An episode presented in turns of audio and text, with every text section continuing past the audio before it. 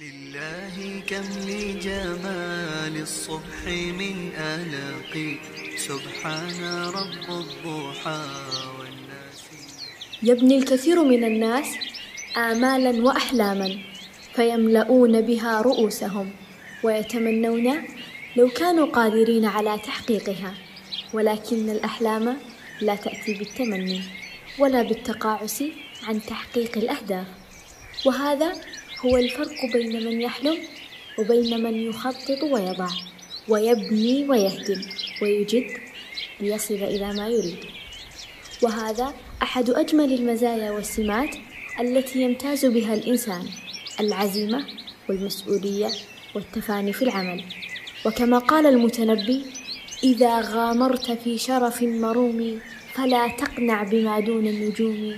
فطعم الموت في أمر حقير كطعم الموت في أمر عظيم.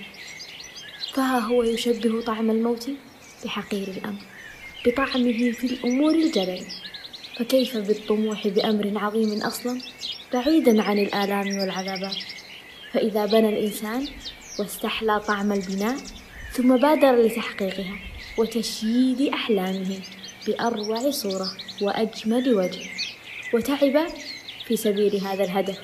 أصبح لنتيجة العمل لذة واستعذب طعم التعب. كثيرا ما نبني صورا مشرقة في أذهاننا ونحلم ونرسم معالم الطريق ونلون الصفحات بأجمل الألوان. ولكن السعيد من احتفظ بأوراقه وأنجز ما عليه.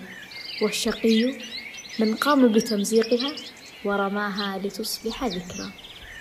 لله كم لجمال الصبح من آلاق. سبحان رب الضحى